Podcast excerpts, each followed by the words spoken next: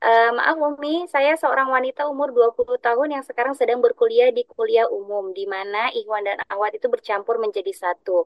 Allah menguji saya dengan menghadirkan rasa suka kepada salah satu kawan laki-laki saya, Umi. Bagaimana cara agar saya bisa mengontrol perasaan saya kepada dia, yang di mana saya dan dia itu bertemu setiap hari dan otomatis sering berkomunikasi karena masih teman sekelas. Jujur semenjak suka sama dia itu saya lebih sering galau dan uring-uringan Umi. Saya takut tidak bisa menjaga harga diri saya sebagai muslimah. Baik. Baik Iya. ya, Masya Allah. Rasa suka tuh memang nggak bisa kita kontrol ya. Kadang kita tiba-tiba suka. Dan biasanya memang suka itu ada pemicu.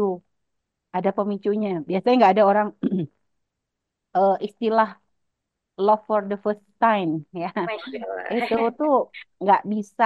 Maksudnya dipakai tiba-tiba orang klik cinta. Biasanya pasti ada sesuatu. Karena lihat gantengnya, lihat cantiknya. Atau biasa ngelihat dia tuh melakukan satu hal yang baik. Atau jadi biasanya selalu ada pemicu gitu ya. Selalu ada ada ada sebab seorang tuh bisa suka gitu ya. eh selagi memang ya ini tiba-tiba Anda kuliah lalu Anda merasa punya kecenderungan gitu ya kepada eh, seorang gitu. Sekarang tinggal gini loh. Ini cen kecondongnya rasa hati Anda ini ini kira-kira ada masa depan nggak? Maksudnya, Anda rasa suka ini kalau misalnya Anda ngobrol dengan orang tua atau apa, kira-kira didukung nggak untuk menikah cepat? Kalau kata orang tua nggak, orang tua kayaknya nggak ada, nggak ada harapan ke sana susah. Artinya kalau kayak begitu, maka jangan dibikin capek Anda untuk terus meneruskan rasa tersebut. Maka sekarang gimana? Ya mungkin sekarang interaksinya Anda mungkin lebih dikurangi. Anda mungkin tidak terlalu banyak cari tahu atau kepo ya. Mungkin kalau ketemu ya ketemu sekilas aja, nggak usah terlalu diperhatikan dan juga nggak usah stalker eh, semua media sosialnya dia gitu ya. Nggak usah semua dicari IG-nya, apanya, semuanya selalu mencari statusnya itu itu hindari gitu ya. Artinya kalau selagi rasa cen- cenderungnya Anda ini nggak bisa menjadikan Anda tuh untuk menuju masa depan yang intinya membuka pintu halal, nggak usah dilanjut gitu loh kecuali ada harapan. Misal dari orang tua, misalnya memang memberikan kemudahan kepada Anda. Kalau kamu lagi udah senang sama orang, nah udah kamu cepat bilang nanti biar di, di- dinikahin, misalnya gitu. Dan ternyata mungkin si Ikhwani ada harapan juga dia ibaratnya orang yang bisa memang menjadi imam dan memang Anda cenderungnya Anda kepada dia karena memang dari sisi-sisi positifnya, misalnya begitu. Dan intinya mungkin Anda tuh karena gini ya, para wanita itu jangan gengsi untuk untuk untuk memilih gitu ya Jadilah cerdas kayak Sayyidah Khadijah. Jadi ketika melihat ada seorang lelaki yang baik, kan Sayyidah Khadijah langsung cari tahu nih. Cari tahu lebih dalam lagi tentang orang tersebut sampai kirim utusan untuk ngawalin, untuk mengawal ya, eh, mengirim siapa namanya Maisaroh tuh ya. eh, untuk untuk benar-benar cari tahu tentang Nabi Muhammad, giliran sudah semakin mantap, baru akhirnya beliau apa? menyampaikan ke orang yang amanah untuk menjadi penyambung.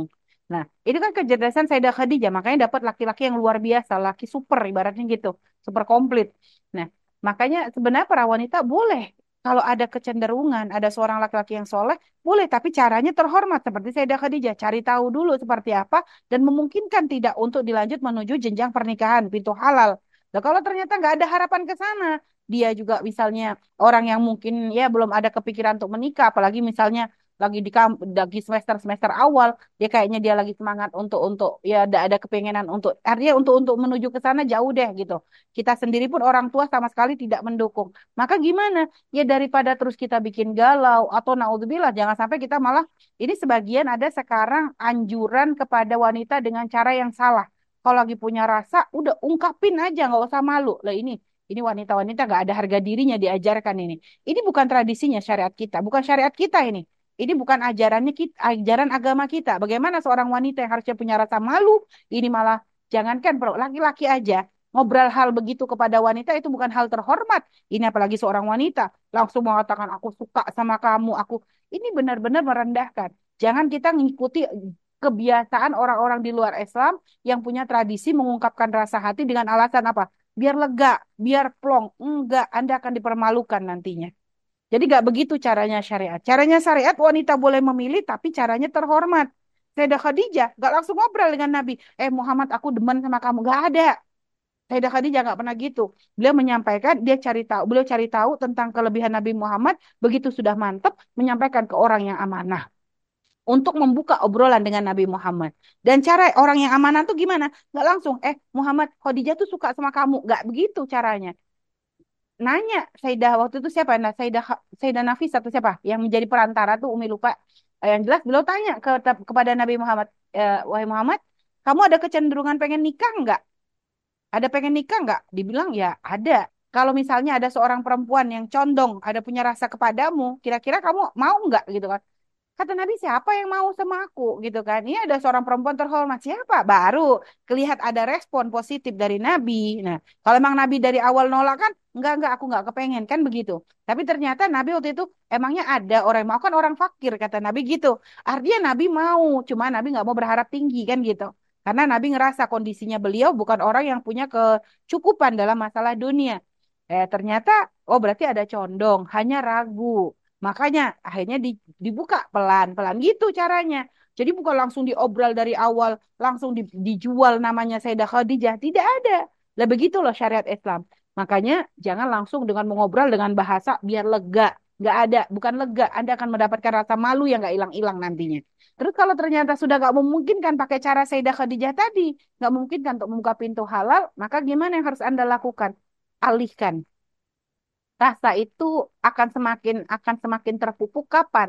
Kalau terus Anda sirami. Ini kan ibarat baru rasa condong. Nah, gimana cara nyiraminya? Yaitu tadi, stalker sosmednya, Anda pelototin terus dianya. Makanya di dalam Islam itu kan ada qadul basar, jaga mata, lihat secukupnya. Makanya Imam Ali dikasih nasihat sama Rasulullah, ya Ali, la tusbi'in nadrata an nadrata, fa inna lakal ula wa laysat lakal akhirah.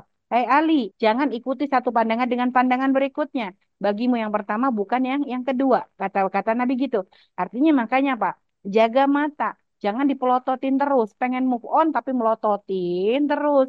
Pengen move on tapi ya gitu. Sosmednya dipantengin terus. Setiap statusnya diliatin terus.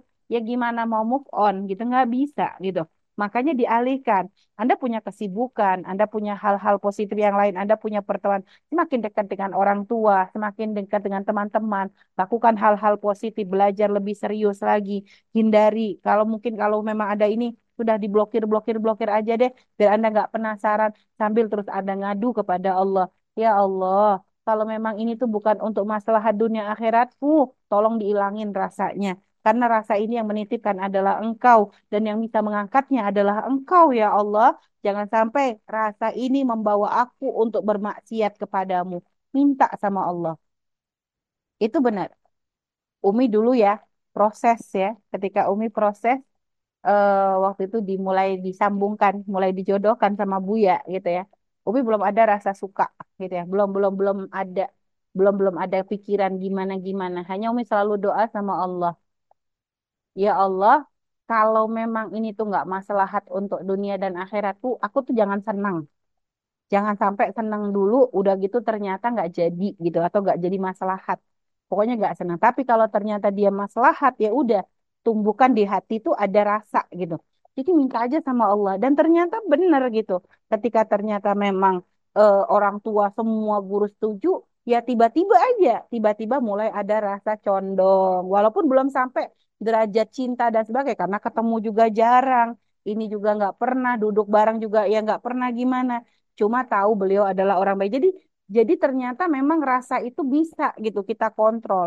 Jadi kita semua punya rasa. Sekarang hanya tinggal kencang-kencangnya kita aja doa sama Allah.